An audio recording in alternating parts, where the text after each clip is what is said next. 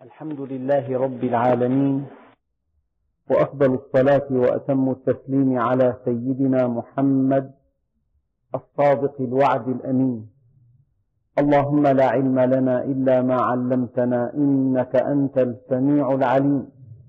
اللهم علمنا ما ينفعنا وانفعنا بما علمتنا وزدنا علما. وأرنا الحق حقا وارزقنا اتباعه. وأرنا الباطل باطلا وارزقنا اجتنابه. واجعلنا ممن يستمعون القول فيتبعون أحسنه وأدخلنا برحمتك في عبادك الصالحين.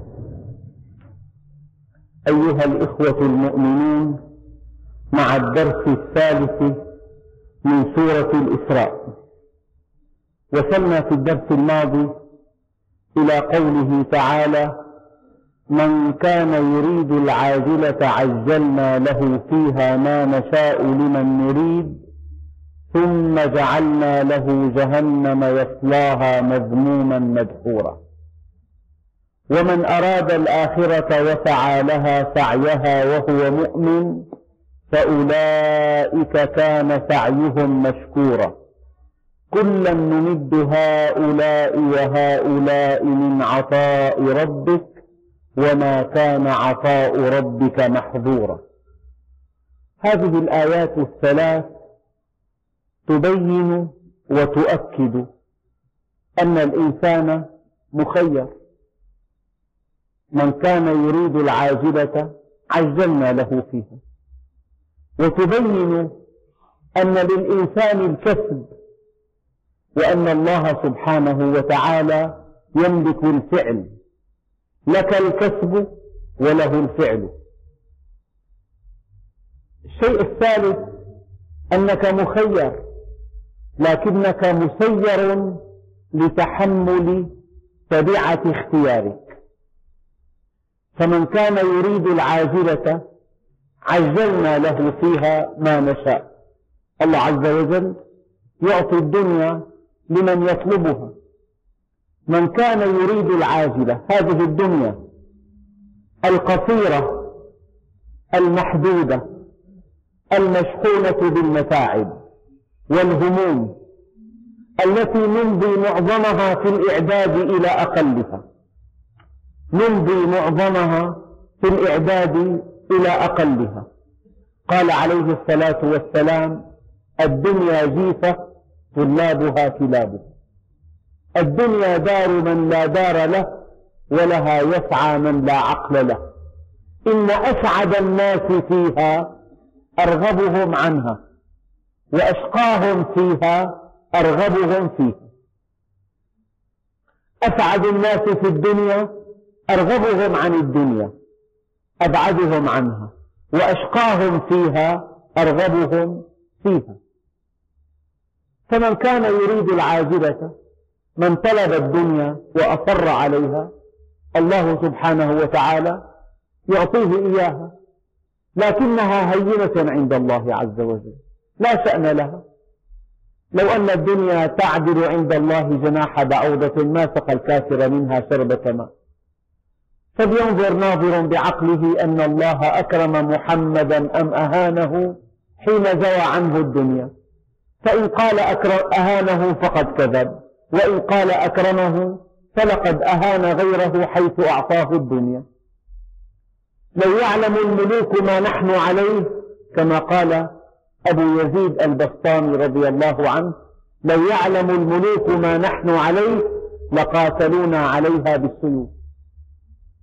فأحوال أهل الدنيا أحوال القلق والخوف والحرص وأحوال أهل الآخرة أحوال الطمأنينة والرضا والاستسلام والتفاؤل والثقة. إن شعور الرجل المؤمن بأن الله سبحانه وتعالى راض عنه هذا شعور لا يعدله شعور آخر. وإن شعور الكافر بأن حياته سوف تنتهي وأن الموت ينتظره إن هذا الشعور المقلق لا حدود لتعاسته. فلذلك ربنا عز وجل قال أنتم مخيرون من كان يريد العاجلة عجلنا له فيها ما نشاء لمن نريد. هناك حكمة يعطي من الدنيا بالقدر الذي يشاء ويعطي هذا القدر الذي يشاء لمن يشاء من طالبي الدنيا. معنى ذلك أن من طلبها بإصرار أعطاه الله إياها. ومن كان طلبها طلبه إياها. ليس معه إصرار ربما أخرها عنه. فقد قال النبي عليه الصلاة والسلام إن الله تعالى يحمي صفيه من الدنيا كما يحمي أحدكم مريضه من الطعام. وإن الله يحمي عبده المؤمن من الدنيا كما يحمي الراعي الشفيق غنمه من مراتع الهلكة. الحقيقة الأولى أن الإنسان مخير وأنك إذا اخترت اختيارا غير صحيح لا بد من تحمل تبعة اختيارك. من كان يريد العاجلة عجلنا له فيها ما نشاء لمن نريد ثم جعلنا له جهنم يصلاها مذموما مدحورا.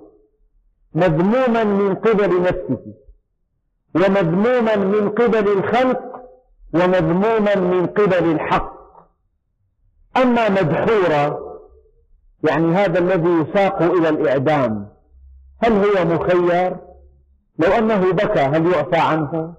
لو أنه توسل لو أنه رجا لو أنه أعلن, أعلن ندامته مدحورة قصرا يعني. يصلاها مذموما مدحورا كنت مخيرا. فلما اخترت العاجلة صرت الآن مسيرا.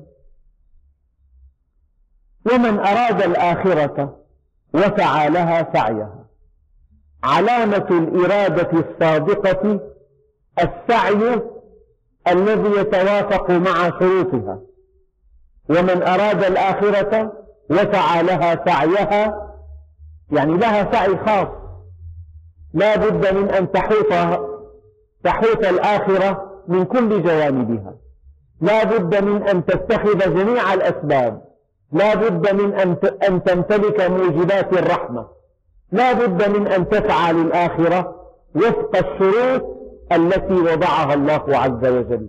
لا وفق شروط تخترعها أنت وسعى لها لو قال ربنا عز وجل وسعى لها أي سعي مقبول.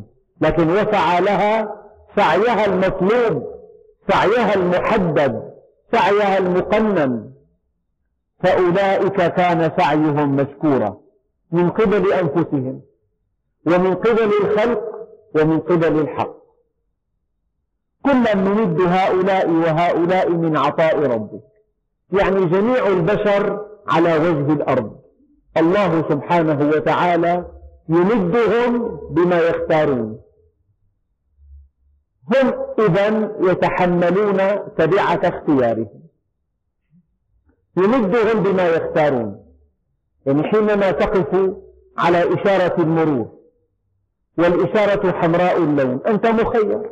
أن تمشي أو لا تمشي. فإذا اخترت أن تخالف القانون عندئذ تفقد اختيارك. لا بد من أن تساق لتحمل تبعة هذه المخالفة. تماما الأمر واضح تماما. من كان يريد العاجلة أصر عليها وطلبها عجلنا له فيها. ما نشاء لمن نريد. هنا تأتي الحكمة. نعطي بالقدر الذي نشاء. ولمن نشاء. نعطي من نشاء بالقدر الذي نشاء. ثم جعلنا له جهنم يصلاها مذموما مدحورا. لا محيد عن أن يصلاها. لا محيد عن أن يتلظى بنارها. مذموما يلعن نفسه ويلعنه اللاعنون وتلعنه الملائكة. مذموما مدحورا. ومن أراد الآخرة وسعى لها سعيها وهو مؤمن فأولئك كان سعيهم مشكورا. والله ما من قول ترك في نفسي أثرا كهذا القول. من آثر دنياه على آخرته خسرهما معا.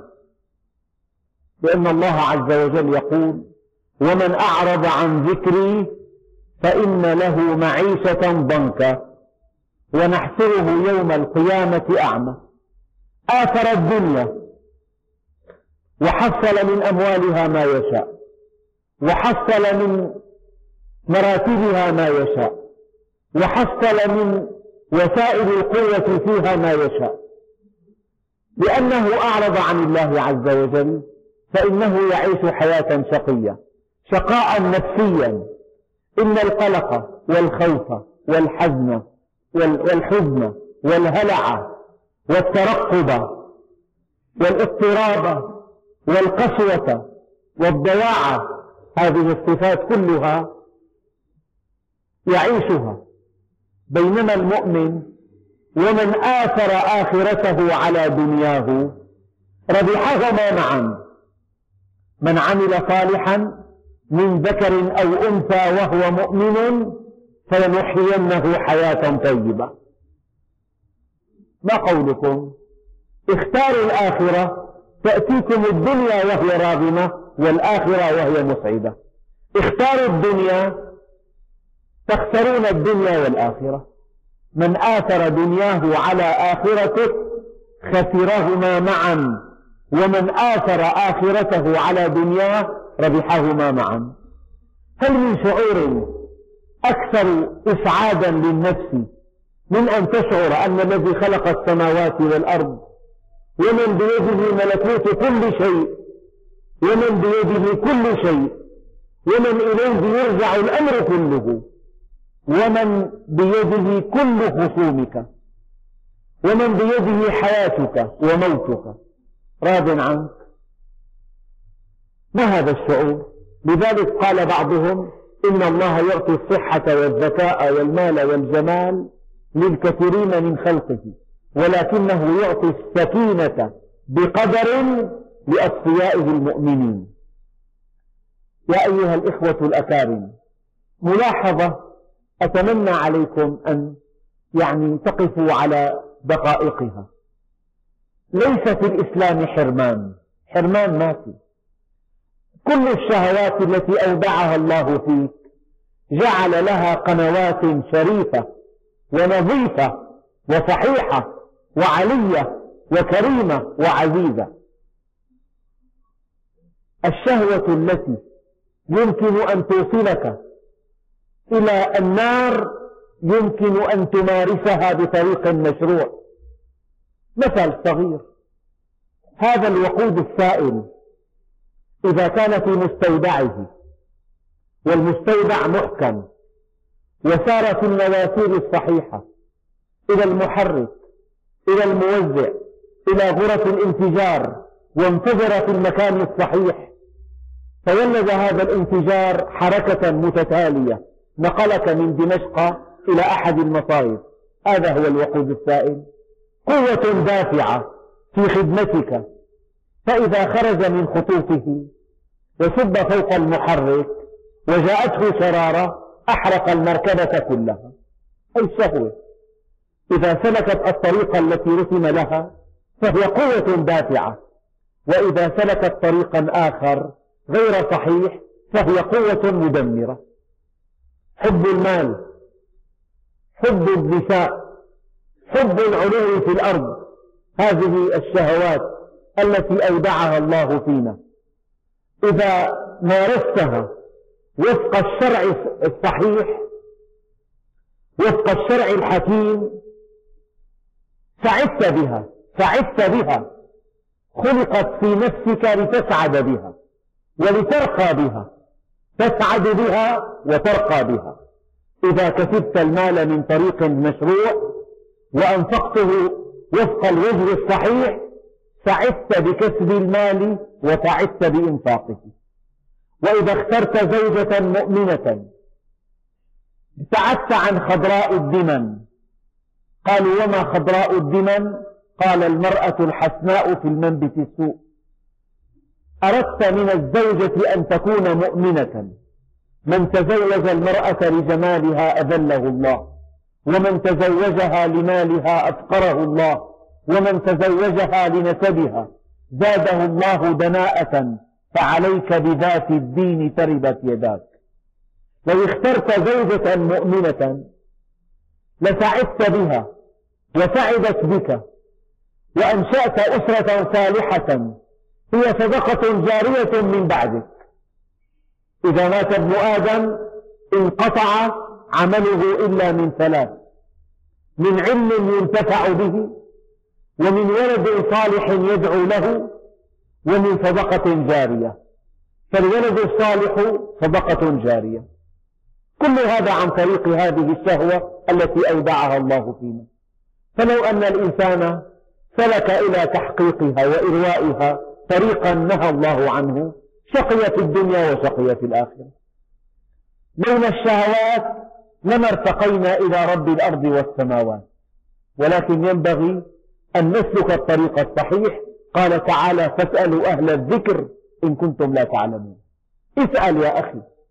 اسأل تخاف على عينك فتذهب إلى عشرات الأطباء وتنتظر عشرات الساعات وتدفع المبالغ المرقومة. تقول العين أخاف على عيني ألا تخاف على نفسك؟ ألا تخاف على هذه الجوهرة التي أودعها الله فيك؟ ألا تخاف أن يأتي ملك الموت ولست مستعدا لهذا اللقاء؟ ألا تخاف أن تكتشف الحقيقة الخطيرة بعد فوات الأوان بعد الموت؟ آمنت بالذي آمنت به بنو إسرائيل وأنا من المسلمين؟ قال الآن الآن وقد عصيت من قبل. هذه ليست بطولة. كفار الأرض جميعا سيعرفون الحقائق عند موتهم. كشفنا عنك غطاءك فبصرك اليوم حديد. هذه ليست بطولة. البطولة أن تعرف الحقيقة قبل فوات الأوان. أن تعرف الحقيقة لتستفيد من هذه المعرفة. إذا عرفت لماذا أنت هنا على وجه الأرض؟ وأين كنت؟ وإلى أين المصير؟ وما المهمة التي جئت بها من أجلها؟ عرفت كل شيء. ابن آدم اطلبني تجدني. فإذا وجدتني وجدت كل شيء.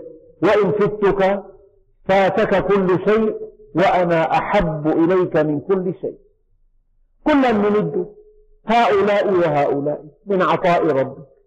انظر إلى الناس جميعا. كل إنسان بنفسه في طلب. والله سبحانه وتعالى يحققه له. هذا يسعى إلى كسب المال. هذا يسعى إلى العلو في الأرض. هذا يسعى إلى تحقيق كل الرغبات هذا يسعى إلى الانغماس في الشهوات هذا يسعى للإيقاع بين الناس هذا يسعى لمعرفة الواحد الديان. والليل إذا يغشى والنهار إذا تجلى وما خلق الذكر والأنثى إن سعيكم لشتى. كل واحد ماشي الطريق وهنيئا لمن كان يمشي في الطريق الصحيح. في الطريق الذي أراده الله في الطريق التي رسمها الله لنا هنيئا له. كلا نمد هؤلاء وهؤلاء من عطاء ربك. الأشياء كلها معروضة أمامك. اختر هذا يختار الأحجار الكريمة. كل حجر بمئتي ألف ليرة وهذا يختار صخرة كبيرة. تسحقه وتدمره. هذا يختار شيئا ثمينا يسعد به وهذا يختار, يختار شيئا يدمره. كلا نمد هؤلاء وهؤلاء من عطاء ربك وما كان عطاء ربك محظورا. إنا عرضنا الأمانة على السماوات والأرض والجبال فأبين أن يحملنها وأشفقن منها وحملها الإنسان إنه كان ظلوما جهولا. وما كان عطاء ربك محظورا عن أحد. أي مخلوق له عند الله حق أن يعطيه ما يريد. لكن الله جل وعلا لا يتعامل بالتمني يتعامل بالسعي. فرق بين التمني والسعي. التمني أن تبتغي شيئا ولا تسعى له ولكن الإرادة الحرة الصادقة تقترن بالعمل. ثم يقول الله عز وجل انظر كيف فضلنا بعضهم على بعض. الآن في الدنيا مكانة من يعمل في تنظيف المستشفى. كمكانة مدير المستشفى في الدنيا. هل يتساوى الراتبان؟ الجندي كقائد الجيش؟ الخفير كالوزير؟ الممرض كالطبيب؟ الفقير كالغني؟ هذه الدنيا أمامكم. كلا نمد هؤلاء وهؤلاء من عطاء ربك وما كان عطاء ربك محظورا. انظر كيف فضلنا بعضهم على بعض.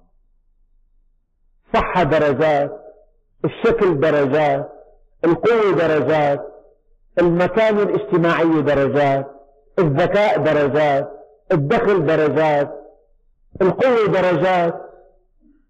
درجات البشر في الأرض بعدد أبناء بعدد البشر. انظر كيف فضلنا بعضهم على بعض. يقول لك هذا البيت 480 متر. بأرقى أحياء دمشق. حقه 37 مليون. مثل بيت غرفة واحدة. لا ترى الشمس. هذا بيت وهذا بيت. هذا الشيء تحت سمعنا وبصرنا. الله عز وجل يريد من هذا من هذه الآية شيئا آخر. انظر كيف فضلنا بعضهم على بعض. هذا التفضيل مؤقت الفقير يموت والغني يموت. القوي يموت والضعيف يموت. الذي يحمل أعلى الشهادات يموت. والذي لا يقرأ ولا يكتب يموت. مع أن هناك فروقا شاسعة ودرجات كثيرة. في العلم والقوة والمال والجمال والمكانة وفي كل شيء في الأرض مقسم إلى درجات. انظر كيف فضلنا بعضهم على بعض في الدنيا. هكذا تقتضي الحكمة أن يكون الناس درجات. لكن هذه الدرجات أولا مؤقتة أولا مؤقتة. وثانيا قد يكون الخفير عند الله عز وجل أعظم من أعلى مرتبة في الأرض. ممكن. قد يكون هذا الفقير رب أشعث أغبر ذي طمرين مدفوع بالأبواب لو أقسم على الله لأبره. قد يكون هذا الفقير وقد يكون هذا العليل وقد يكون خامل الذكر أعظم عند الله وأرقى مكانة وأحظى رتبة من من علي القدر ومن غني المال ومن ذائع الصيت في فكرة دقيقة جدا يقول الله عز وجل انظر كيف فضلنا بعضهم على بعض. هناك تفضيل في الصحة وفي المال وفي الجمال وفي الذكاء وفي القوة. وفي المكان وفي كل شيء. حياة مراتب. لكن هذه المراتب الدنيوية أولا مؤقتة تنتهي بالموت. يعني قبر الغني كقبر الفقير تحت الأرض. يعني قبر الغني مكيف تحت في تكييف في بلاطر خام تريا ما في قبر الغني كقبر الفقير. أحد أكبر أغنياء بعض بلدان الخليج أوصى أنه إذا مات أوصى ذويه أن يسيروا بجنازته في كل شوارع المدينة شارعا شارعا وأوصى أن تخرج يده من الكفن. هكذا عارية. ليشعر الناس أنني ذهبت إلى الآخرة وليس معي شيء. كله تركته في الدنيا. المصيبة في الموت مصيبتان. الأولى أنك تخسر مالك كله. والثانية أنك تحاسب على مالك كله. من أين اكتسبته وفيما أنفقته. فأول نقطة بالآية أن هذه المراتب هذا ساكن ببيت صغير هذا ساكن ببيت كبير هذا دخله لا يكاد يغطي نفقاته هذا في عنده أموال لا تأكلها النيران. هذا لا يستطيع أن يفك أسيرا هذا يستطيع أن يغير اتجاها. في قوي في ضعيف في غني في فقير في صحيح وفي مريض. المشكلة الأولى أن هذه المراتب مؤقتة. يأتي الموت فيضع حدا لها. النقطة الثانية أن هذه المراتب شكلية. قد يكون الفقير أعلى عند الله من الغني. وقد يكون الضعيف المستضعف أحظى مرتبة من القوي. وقد يكون خامل الذكر أعلى شأنا عند الله من الذي تألق نجمه في السماء. إذا وقعت الواقعة ليس لوقعتها كاذبة خافضة رافعة. هذه مراتب الدنيا. أما المشكلة وللآخرة أكبر درجات وأكبر تفضيلا. هم المشكلة هنا. مراتب الآخرة إلى الأبد. مراتب الدنيا إلى الموت. تنتهي بالموت. اذهبوا إلى المقابر. يوم بتلاقي على الشاهدة يعني إشارة إلى أن هذا كان طبيبا وأن هذا كان شاعرا وأن هذا كان عميد الأدب في القطر وأن هذا كان من كبار مثلا يعني كل واحد له ترتيب. الموت يضع حدا لهذه المراتب في الدنيا. وهذه المراتب شكلية قد تكون مكانتك على نقيض مرتبتك.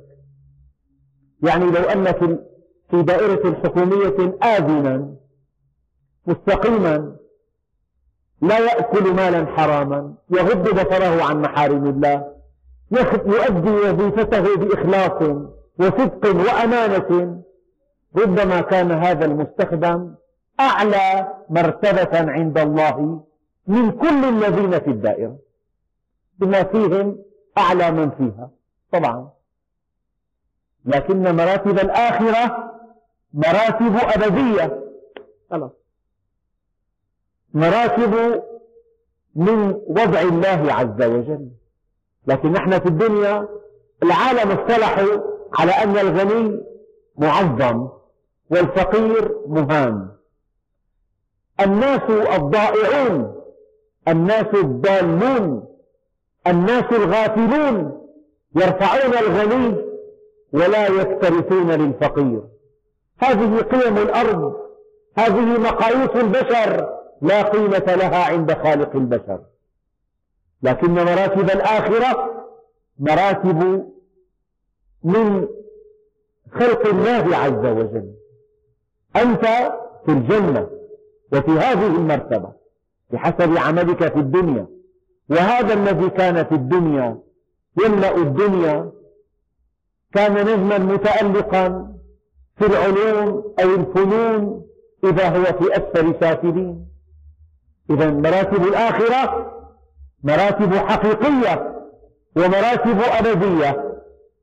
فالبطولة أن تكون لك مرتبة في الآخرة عالية. أي البطولة؟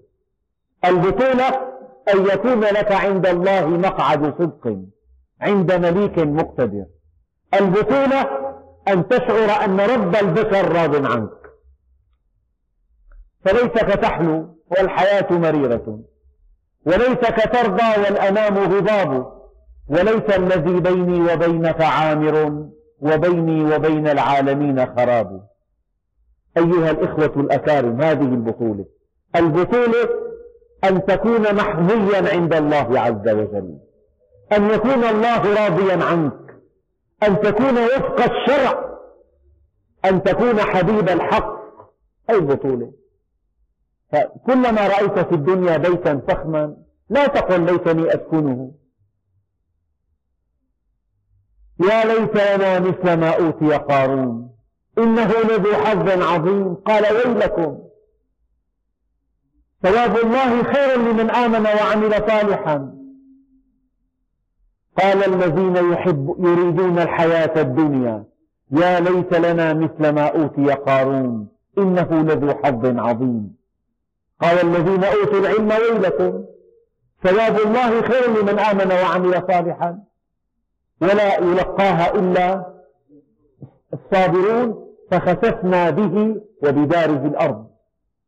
فلذلك الإنسان يبحث عن مرتبة عند الله ولا يكترث بمرتبته عند الناس. فإن الأمة لو اجتمعت على أن ينفعوك لم ينفعوك إلا بشيء قد كتبه الله لك. وإن اجتمعوا على أن يضروك لم يضروك إلا بشيء قد كتبه الله عليك. لا أنسى قول أحد التابعين وأظنه سعيد بن المسيب حينما كان عند أحد ولاة يزيد بن عبد الملك جاءه من يزيد توجيه هذا الوالي.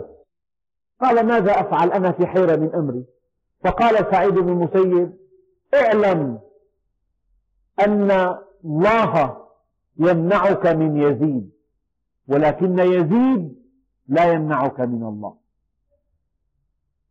وإذا أراد الله بقوم سوءا فلا مرد له. انظر كيف فضلنا بعضهم على بعض وللآخرة أكبر درجات وأكبر تفضيلا.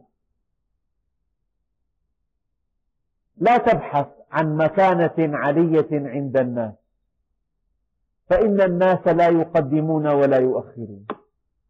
ابحث عن مكانة عند الله. لا تجعل مع الله إلها آخر.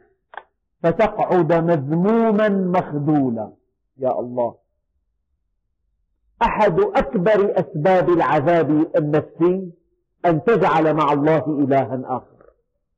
فلا تدع مع الله إلها آخر فتكون من المعذبين. إذا شئت أن تعذب نفسك إذا شئت أن تحس بالقهر والحقد والضياع والشك واليأس والسوداوية تدعو مع الله إلها آخر. يعني اعتقد أن زيدا من الناس يملك شيئا من أمرك إذا اعتقدت أن زيدا من الناس أو أن كائنا من كان من الناس يستطيع أن ينفعك أو أن يضرك أو أن يرفعك أو أن يخفضك فهذا هو الشرك بعينه. لا تجعل مع الله إلها آخر. إليه يرجع الأمر كله. فاعبده وتوكل عليه. وهو الذي في السماء إله وفي الأرض إله. يد الله فوق أيديهم. وما رميت إذ رميت ولكن الله رمى. والله يقضي بالحق. والذين يدعون من دونه لا يقضون بشيء. ما لكم من دونه من ولي. ولا يشرك في حكمه أحدا. هذا هو التوحيد وما تعلمت العبيد أفضل من التوحيد. نهاية العلم التوحيد. فاعلم أنه لا إله إلا الله. لا إله إلا الله كلمة التوحيد.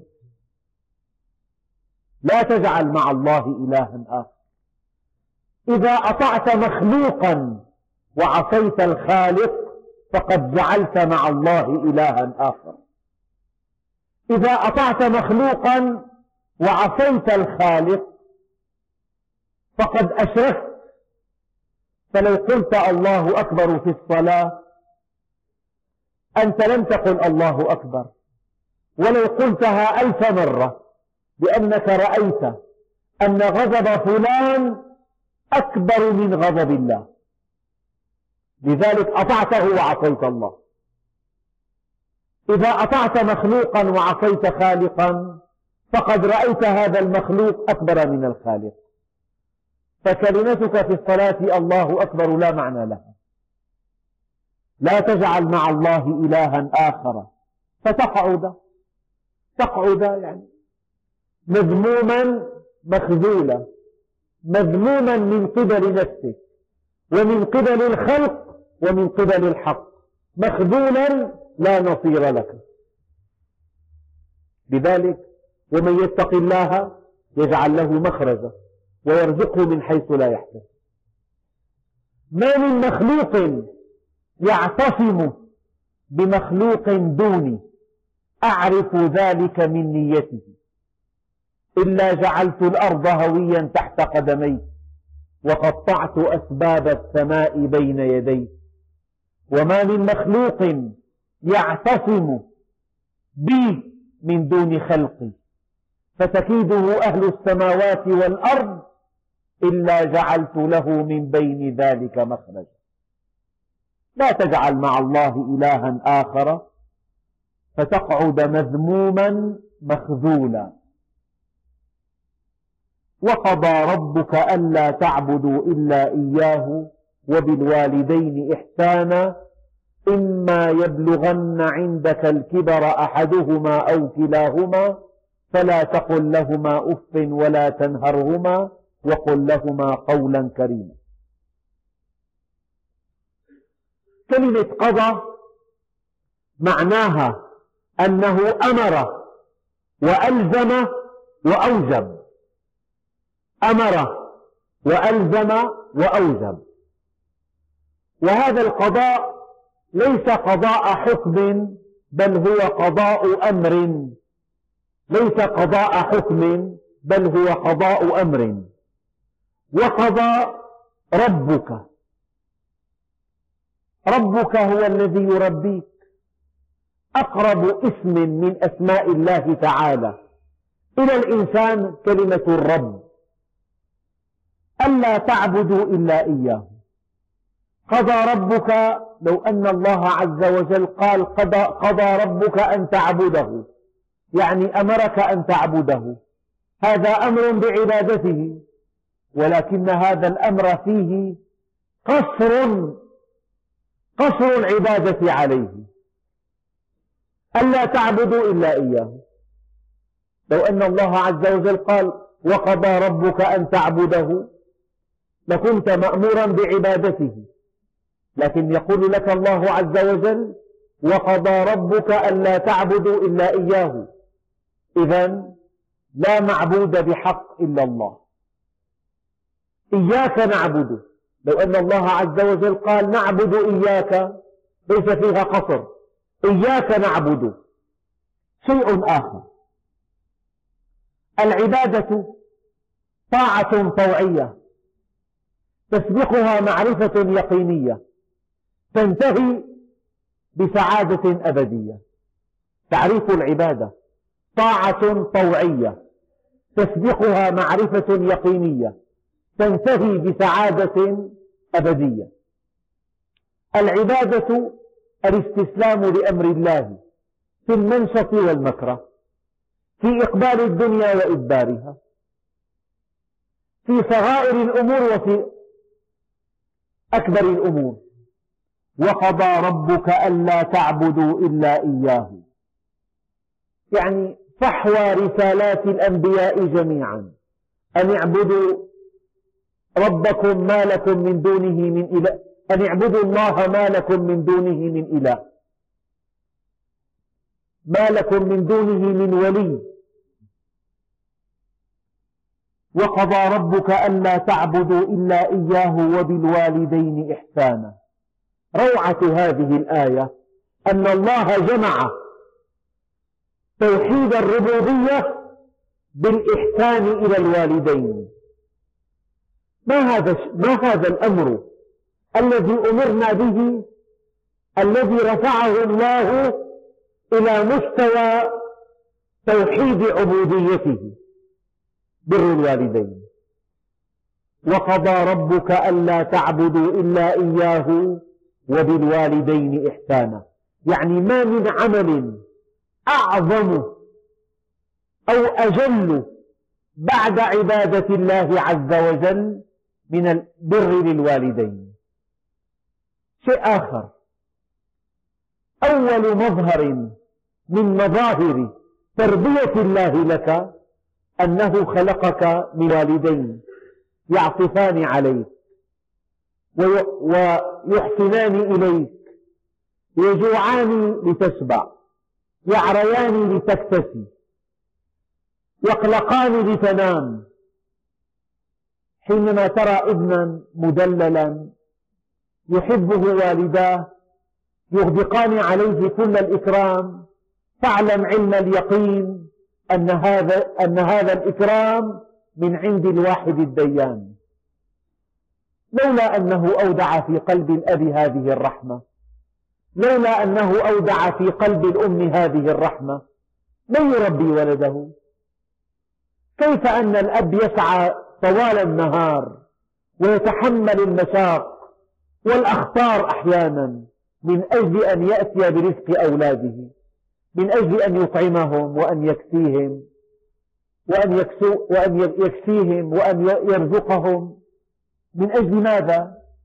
لذلك ربنا عز وجل رفع بر الوالدين إلى مرتبة توحيد الربوبية. وقضى ربك ألا تعبدوا إلا إياه وبالوالدين إحسانا. علماء اللغة قالوا فعل أحسن يتعدى بإلى بإلى تقول أحسنت إليه. لكن هنا في الآية يتعدى هذا الفعل باللام على خلاف القاعدة. ما الحكمة من تعدية هذا الفعل باللام؟ العلماء قالوا عفوا بالباء وبالوالدين إحسانا يعني أحسن بهما. لم يقل الله عز وجل أحسن إليهما بل قال أحسن بهما. لأن الباء تفيد الإلصاق. تقول أمسكت بيده. إذا الإحسان إلى الوالدين لا يقبل من الإبن إلا إذا باشره بنفسه. أن ترسل الصانع في المحل التجاري إلى أبيك مع بعض الفاكهة. قل له خذ هذه الفاكهة من ابنك. هذا خلاف لتوجيه الله عز وجل. يجب أن تمارس الإحسان إليهما بنفسك. تقول للسائق خذ أبي نزهة. لا ليس هذا إحسانا إليهما. الإحسان إليهما أن تكون إلى جانبهما أن تكون لاصقا بهما أن تباشر الخدمة بنفسك. هذا معنى وبالوالدين إحسانا. لأن معاجم اللغة تعدي فعل أحسن بإلى لكن الله سبحانه وتعالى وضع الباء مكان إلى لماذا؟ من أجل أن يفهم أن الإحسان إلى الوالدين يجب أن يباشر من قبل الإبن مباشرة. وقضى ربك ألا تعبدوا إلا إياه. وبالوالدين إحسانا. وكما أن الله عز وجل قرن الإحسان بالوالدين بعبادته بل بتوحيد عبادته قرن شكر الله بشكرهما. قال تعالى أن اشكر لي ولوالديك يعني ما من مخلوقين على وجه الأرض يستحقان الشكر بعد الله عز وجل من الوالدين. أن اشكر لي ولوالديك ولزوجتك ولوالديك إلي المصير. روى الإمام البخاري رضي الله عنه في صحيحه أن رجلا سأل النبي عليه الصلاة والسلام يا رسول الله أي العمل أحب إلى الله عز وجل؟ فقال عليه الصلاة والسلام الصلاة على وقتها. فقال ثم ماذا؟ قال بر الوالدين. قال ثم ماذا؟ قال الجهاد في سبيل الله. يعني بر الوالدين مقدم على الجهاد في سبيل الله. وهو بعد الصلاة. شيء آخر. من بر الوالدين ألا يتعرض الولد بسبهما كيف ذلك؟ هذا مستحيل. ففي صحيح مسلم أن النبي عليه الصلاة والسلام قال إن من أكبر الكبائر أن يشتم الرجل والديه. فقال أصحاب النبي يا رسول الله وهل يشتم الرجل والديه؟ مو معقولة قال نعم يسب الرجل أبا الرجل فيسب أباه ويسب أمه فيسب أمه.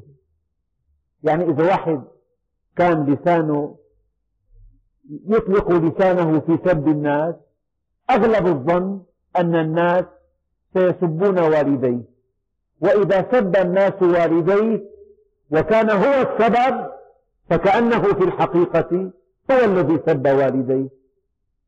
لذلك أي شاب يجب أن يعامل الناس معاملة يثنون على والده. ما هذا الوالد الذي رباك؟ بارك الله بوالدك. عامل الناس معاملة تجعلهم يلهجون بالثناء على والدك إذا كنت بارا به. أما الذي يعامل الناس معاملة يلعنون بهذه المعاملة أباه فقد لعن هو أباه. كأنه لعن هو أباه. شيء آخر. من بر الوالدين موافقتهما في أغراضهما. يعني الأب له حاجة فإذا لبيتها له فهذا من البر. إلا أن هذه الحاجة لها شرطان. أولا أن تكون في غير معصية الله عز وجل وأن تكون مباحة وأن تكون في استطاعتك أن تكون في غير معصية الله وأن تكون مباحة وأن تكون في استطاعتك. وعقوق الوالدين مخالفتهما في أغراضهما. الجائزة. العلماء قالوا إذا أمر الأب أو الأم وجب على الابن تنفيذ الأمر ما لم يكن في معصية أو ما لم يكن فوق المستطاع. إذا كان الشيء مباحا أصبح بأمر الأب والأم مندوبا. وإذا كان مندوبا أصبح بأمر الأب والأم آكد في النجد. شيء آخر. جاء رجل إلى النبي عليه الصلاة والسلام فقال يا رسول الله من أحق الناس بحسن صحابتي؟ قال أمك. ثم أمك ثم أمك ثم أبوك. فالعلماء استنبطوا من هذا الحديث أن ثلاثة أرباع البر للأم والربع للأب. في حديث آخر يجعل هناك توازن بين بر الأب والأم. يقول عليه الصلاة والسلام أطع أباك ولا تعص أمك.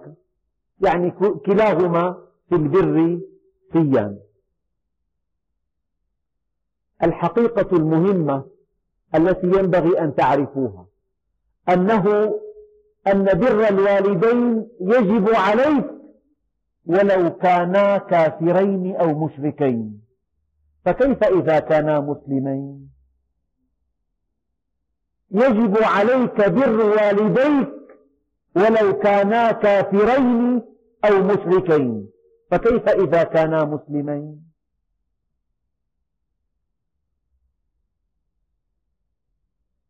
بقوله تعالى لا ينهاكم الله عن الذين لم يقاتلوكم في الدين. أبوك هلأ في شد إذا ما كان أبوه وفق, وفق اتجاهه الدقيق تلاقي بذم والده. هذا أب أنت بإحسانك بتهذيبك ببرك بلطفك لعل الله عز وجل يجعل قلب أبيك يميل إلى دينك إلى اتجاهك. أما أن تنتقده علانية أمام أمك وأمام أخواتك تنتقده علانية وتريد أن يخضع لك هذا مستحيل.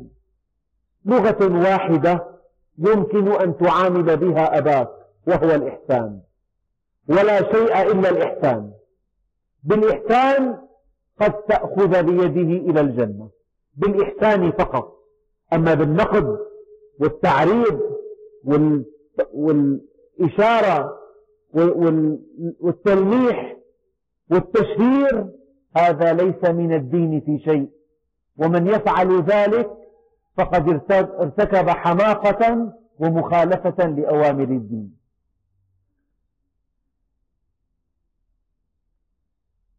من بر الوالدين أن تستأذنهما في الجهاد. ولا يصح جهادك إلا إذا استأذنتهما. فما هذه المكانة قال يا رسول الله جئت لأجاهد معك.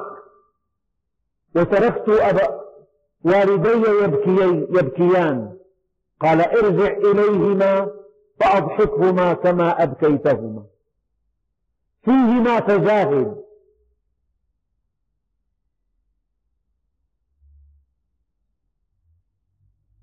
من بر الوالدين أن يصل الإنسان أهل ود أبيه بعد أن يولي. توفي والده. جاء رجل إلى النبي عليه الصلاة والسلام. وقد توفي والداه قال يا رسول الله هل بقي علي من بر والدي شيء؟ أبرهما به بعد موتهما؟ فقال عليه الصلاة والسلام نعم أربعة أشياء. أن تصلي عليهما. صلاة الجنازة يعني. وأن تدعو لهما. وأن تصل صديقهما. وأن تنفذ عهدهما. وأن تصل الرحم التي لم يكن لها صلة إلا بهما. فهذا الذي بقي عليك من برهما بعد موتهما. فكل واحد من الإخوة الحاضرين. إذا كان أبوه موجود هذه فرصة ذهبية ليستغل حياته في خدمته وفي الإحسان إليه وفي, وفي طلب مرضاته من غير معصية طبعا. وإن كان قد توفي فليصل أهل ود أبيه وليعمل من الصالحات عملا من أجل أن تكون أعماله كلها في صحيفة أبيه من أجل أن يكون لأبيه صدقة جارية.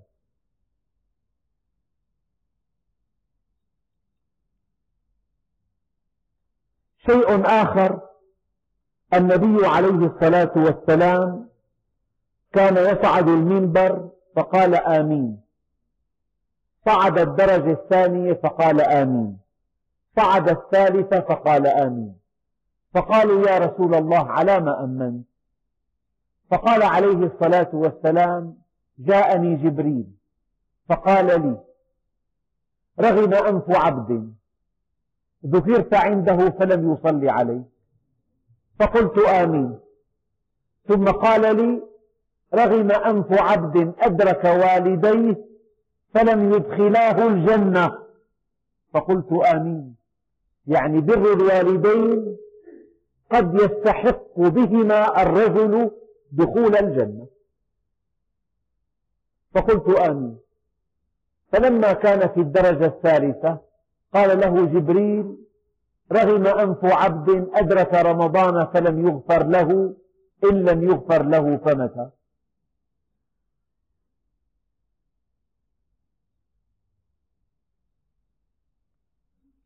لكن الله عز وجل يقول وقضى ربك ألا تعبدوا إلا إياه وبالوالدين إحسانا إما يبلغن عندك الكبر أحدهما أو كلاهما. طبعا الأب الشاب في آباء يعني لا يزالون في في سن الشباب أو الكهولة يتمتعون بصحة جيدة ومكانة علية ومال وفير. هم يقدمون كل الإحسان إلى أولادهم. هي المشكلة أعمق من ذلك. إما يبلغن عندك الكبر أحدهما. تجاوز عمر الأب الثمانين عاما. وتراجعت قواه الجسمية والعقلية. وصار يعيد القصة مئات المرات. وصار ذا طبيعة فضولية. يبتغي أن يعرف كل شيء وأن يحصر أنفه في كل شيء. وصار يكثر من النقد. صار له ثقل في البيت. إما يبلغن عندك الكبر. بلغ سنا كبيرا وهو عندك في البيت. لأن الذي يأتي لعند أبيه في الأسبوع مرة ليقبل يده ويسأله رضاه. قضية سهلة جدا. قضية سهلة جدا. أن يكون لك بيت مستقل يسير وفق ما تريد وأبوك عند أخيك الأصغر أو الأكبر تنتقل إلى بيت أخيك في الأسبوع مرة لتقدم واجب بر الوالدين. تأتيه بهدية صغيرة تقبل يديه تسأله عن صحته ماذا فعل؟ لكن الأب إذا كان في البيت وكان له طلبات كثيرة وانتقادات كثيرة.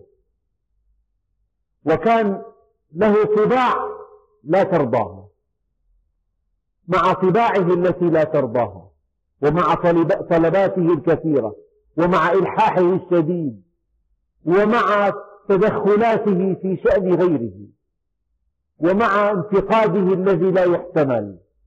في هذه الحالة الصعبة إما يبلغن عندك الكبر أحدهما أو كلاهما هنا البطولة.